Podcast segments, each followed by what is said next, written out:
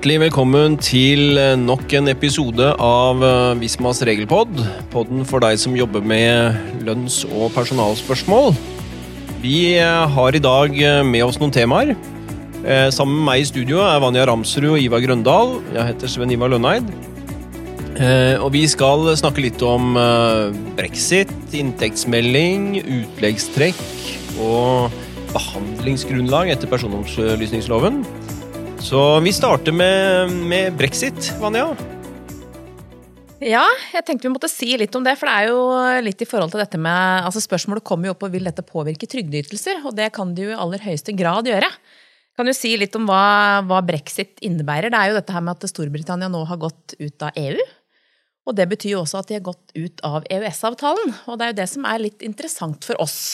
For denne EØS-avtalen, som jo for så vidt er altså en samarbeidsavtale mellom EU eh, e og EFTA eh, og EØS-landene, eh, den sikrer jo på en måte at vi får tilgang til EUs markeder. Det er det som er utgangspunktet der. Og denne avtalen den har jo det vi kaller en trygdedel, og det er jo der vi kommer inn i bildet, og som gjør dette interessant for oss. Um, der er det jo sånn at uh, i, altså, i, ved hjelp av EØS-avtalen så er det jo sånn at uh, vi som norske borgere da, vi har jo samme rettigheter innenfor EU og EØS uh, som vi har i Norge for øvrig når det gjelder en rekke trygderettigheter. Et eksempel er jo sykepenger. Dette at vi, vi kan reise ut, ut av Norge med sykepengene våre ut innenfor da EU eller EØS. Det kan vi ikke gjøre utenfor der igjen, hvis vi er utenfor det området. Og så er jo spørsmålet, da, nå som Storbritannia har eh, trådt ut av EU og ut av EØS-avtalen, så blir jo spørsmålet da er det gjelder fortsatt det samme. Så dette har jo vært oppe, og her er det inngått noen avtaler som gjør at eh, Storbritannia i en overgangsperiode skal betraktes som om de fortsatt var et eh, EU-land, og også medlem av EØS-avtalen. Som gjør at rettighetene vil forbli de samme, i hvert fall da fram til 31.12. i 2020. Og så er det litt sånn usikkert hva som egentlig skjer etter det. Men enn så lenge så fortsetter vi som før i forhold til Storbritannia. Det var godt å høre. Ja. Ut det året her, altså. Ut det året her, i første omgang. Mm. Ja. Du var inne på sykepenger, Vanja, og inntektsmelding. Det ligger en bra artikkel på Community om det. Ja, fant ut at vi måtte lage en artikkel på det. For nå er det jo ja, det er jo i overkant av et år siden uh, digitalt enevalg kom på inntektsmeldingen. Og da i starten var det jo en rekke spørsmål rundt akkurat dette her, med utfylling av inntektsmelding osv. Men vi opplever jo fortsatt at pågangen er ganske stor på support når det gjelder spørsmål rundt inntektsmelding. Så derfor så tenkte jeg at det lager vi hjemme en artikkel på. Og så da tar vi for oss de mest, altså de spørsmålene vi oftest får inn på supporten. Mm. Og lager eh, noen svar på det i en, i en artikkel. Ja, du, Jeg har jo lest denne artikkelen. Veldig veldig bra. Ja. Uh, og siden jeg nå skulle få lov til å plukke et par av spørsmåla, uh, så skal vi ta det nå. Ja. Ja, ja. Eh, skal, inntekt, nei, skal egenmeldingsdager telle med i arbeidsgiverperioden som oppgis på inntektsmeldingen? Ja. Det korte svaret, det er ja. ja. Helt klart. Men det er jo litt sånn, der er det en del misforståelser ute og går. Eh, jeg vet ikke, Er det liksom tanken om at eh, hvis du er egenmeldt, så er du ikke like sjuk som når du er uh, sykemeldt. Eller har en sykemelding. Det kan være det som ligger bak, ja. Ja, det er det som ligger bak, men det er jo sånn at egenmelding er jo på en måte på lik linje med sykemelding en måte å dokumentere et gyldig sykefravær på. Det er det som er mm. utgangspunktet. Så det er jo like mye verdt. på en måte. Du har like mye rett til sykepenger også for de dagene, og det teller på lik linje med inn i arbeidsgiverperioden. Første dag med egenmelding, hvis du starter med egenmelding, så er det også første dag i arbeidsgiverperioden. Stort sett. Sammenfallende der. Så svaret er altså ja. Mm. Det skal selvfølgelig inn på arbeidsgiverperioden på kort, inntektsmeldingen. Kort, enkelt og greit. Ja. Uh, skal vi se, du har tid til et til uh, spørsmål, du? Ja. ja, ja, ja. Uh, arbeidstaker blir sykemeldt før ny arbeidsgiverperiode. Skal det sendes ny inntektsmelding? Ja, det er jo den situasjonen. Altså, det er jo sånn i folketrygdloven at det er jo noen begrensninger på, på arbeidsgivers forpliktelser med dette å betale arbeidsgiverperiode.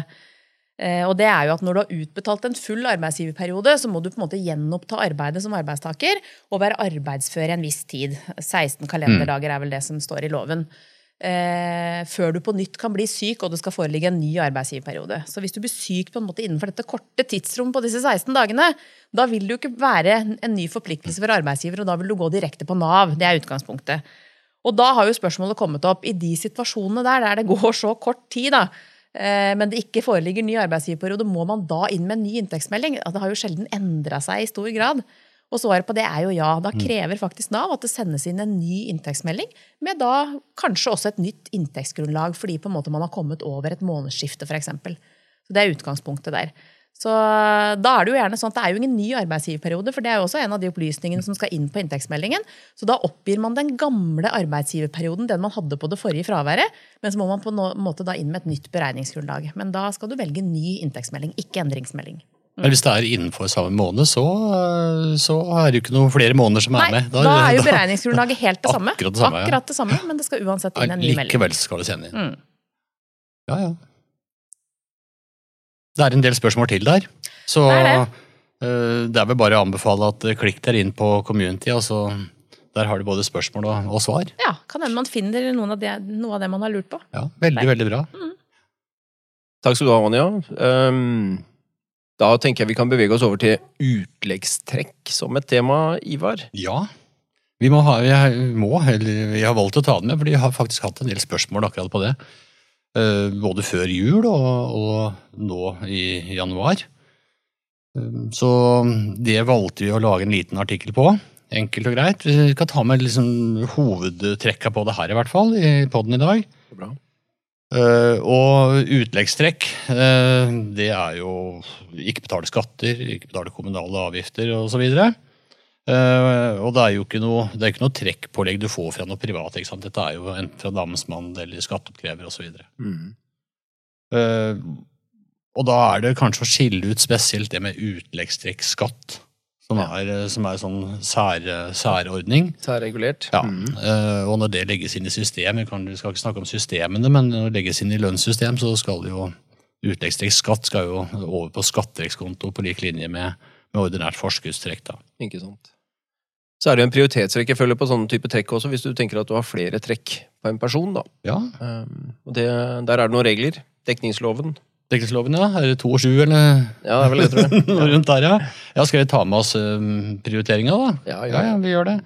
Eh, Da er det, da er det bidragstrekk som er eh, helt først. Eh, Etter bidragstrekk, altså på andreplass, skal vi kalle det for det, på pallen, så er det mm, krav på erstatning eller oppreisning for skade voldt ved en straffbar handling. Eh, På tredjeplass er det bøter.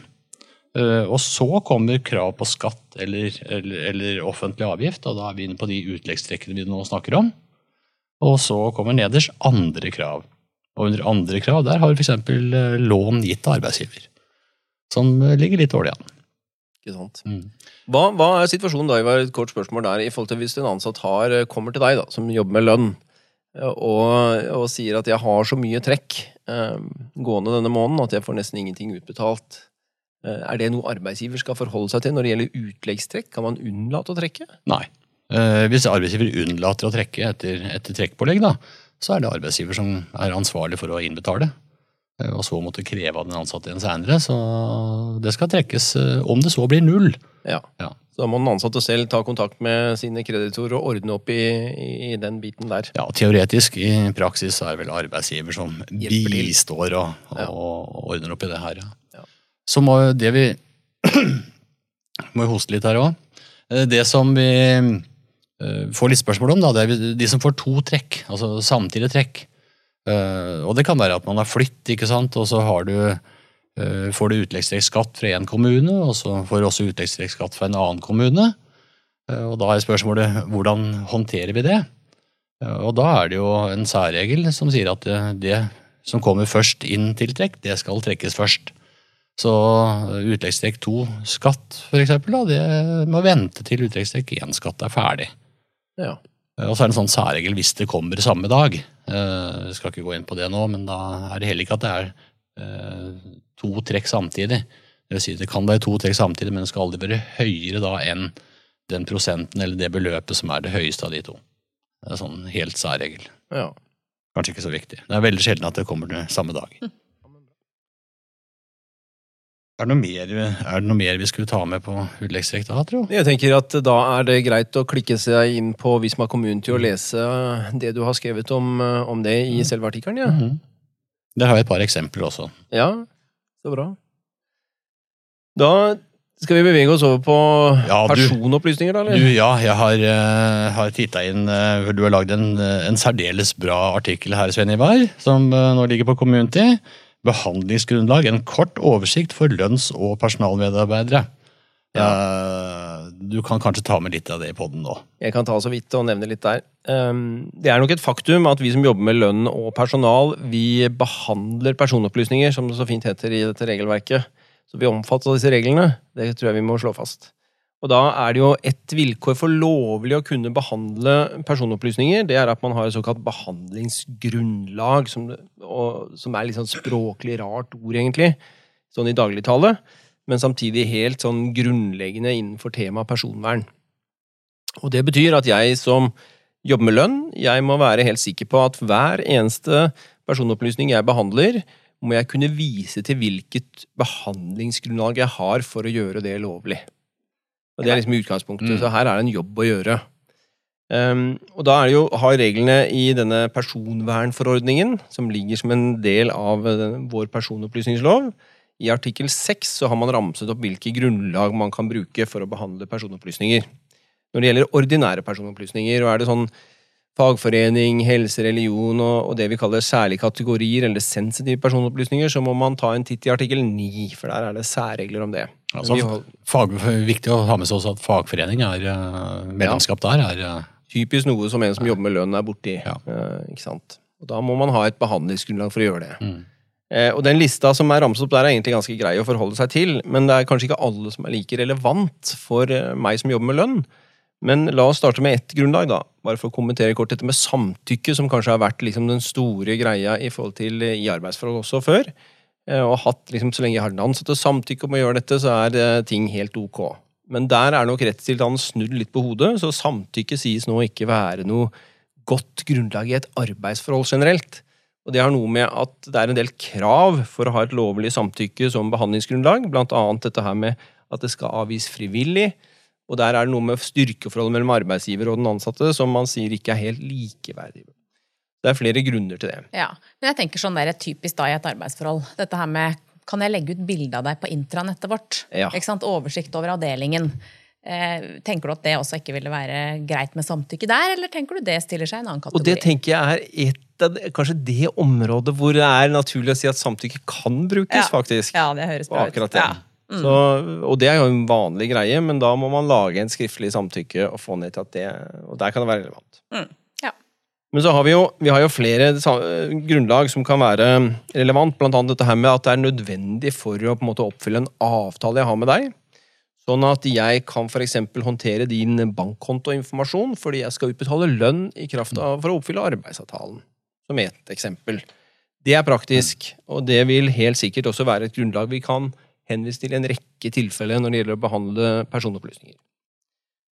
Eh, og så har vi en annen variant som også er veldig praktisk for arbeidsgivere. Dette her med at når det er nødvendig for å oppfylle det som heter en rettslig plikt.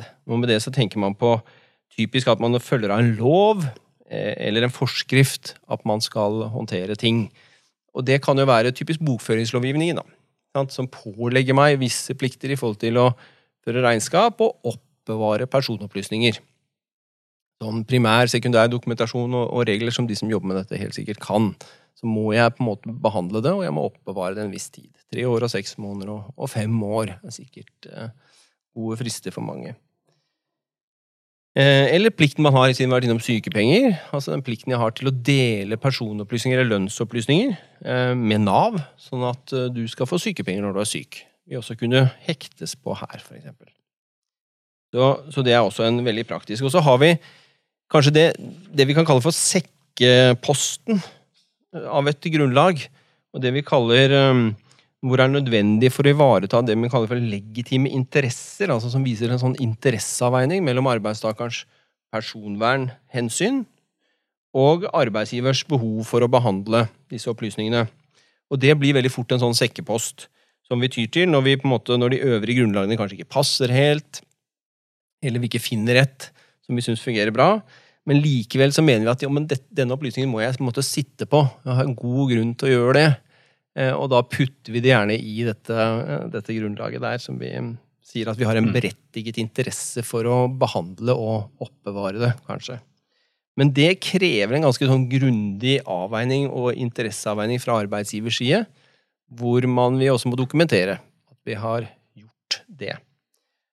Så for de av dere som på en måte, og det gjør dere alle, som jobber med lønn og personal, eh, behandler personopplysninger, så mm, får dere en sånn kort oversikt i denne artikkelen vi har laget på Community. Veldig. Og hvis vi vil lære mer, så har vi jo tema om eh, oppbevaring, innsyn i lønnsopplysninger, utlevering, hvem kan jeg levere lønnsopplysninger til i en virksomhet, som et tema på, på vårens eh, store happening, Lønnsforum vår, altså kursbiten hvor vi reiser rundt i Norge og, og holder en del sånne type tematikk. Da. Det er det vi tar opp der også. Vi har jo hatt med oss dette med personvern på flere kurs, egentlig, vi nå det siste året, eller kanskje ett og et halvt, to år. Eh, og noe jeg bare tenkte på, Du snakker om behandlingsgrunnlag. Eh, noe jeg tenker vi ofte får dette, eller det er litt misforståelse rundt, er dette hva er egentlig å behandle en personopplysning? Jeg tenker det, altså det, altså Begrepet på en måte vitner om aktivitet, men det behøver det ikke nødvendigvis å være. Det er jo også dette her å oppbevare. Det er jo også en behandling av personopplysning. Altså da Ja. tenker jeg spesielt sånn, Det du har tatt ut, står i en perm, der har det stått i mange år, og den biten der, at det Ja. ofte er litt viktig å presisere. da, At det Ikke også sant. faktisk omfattes.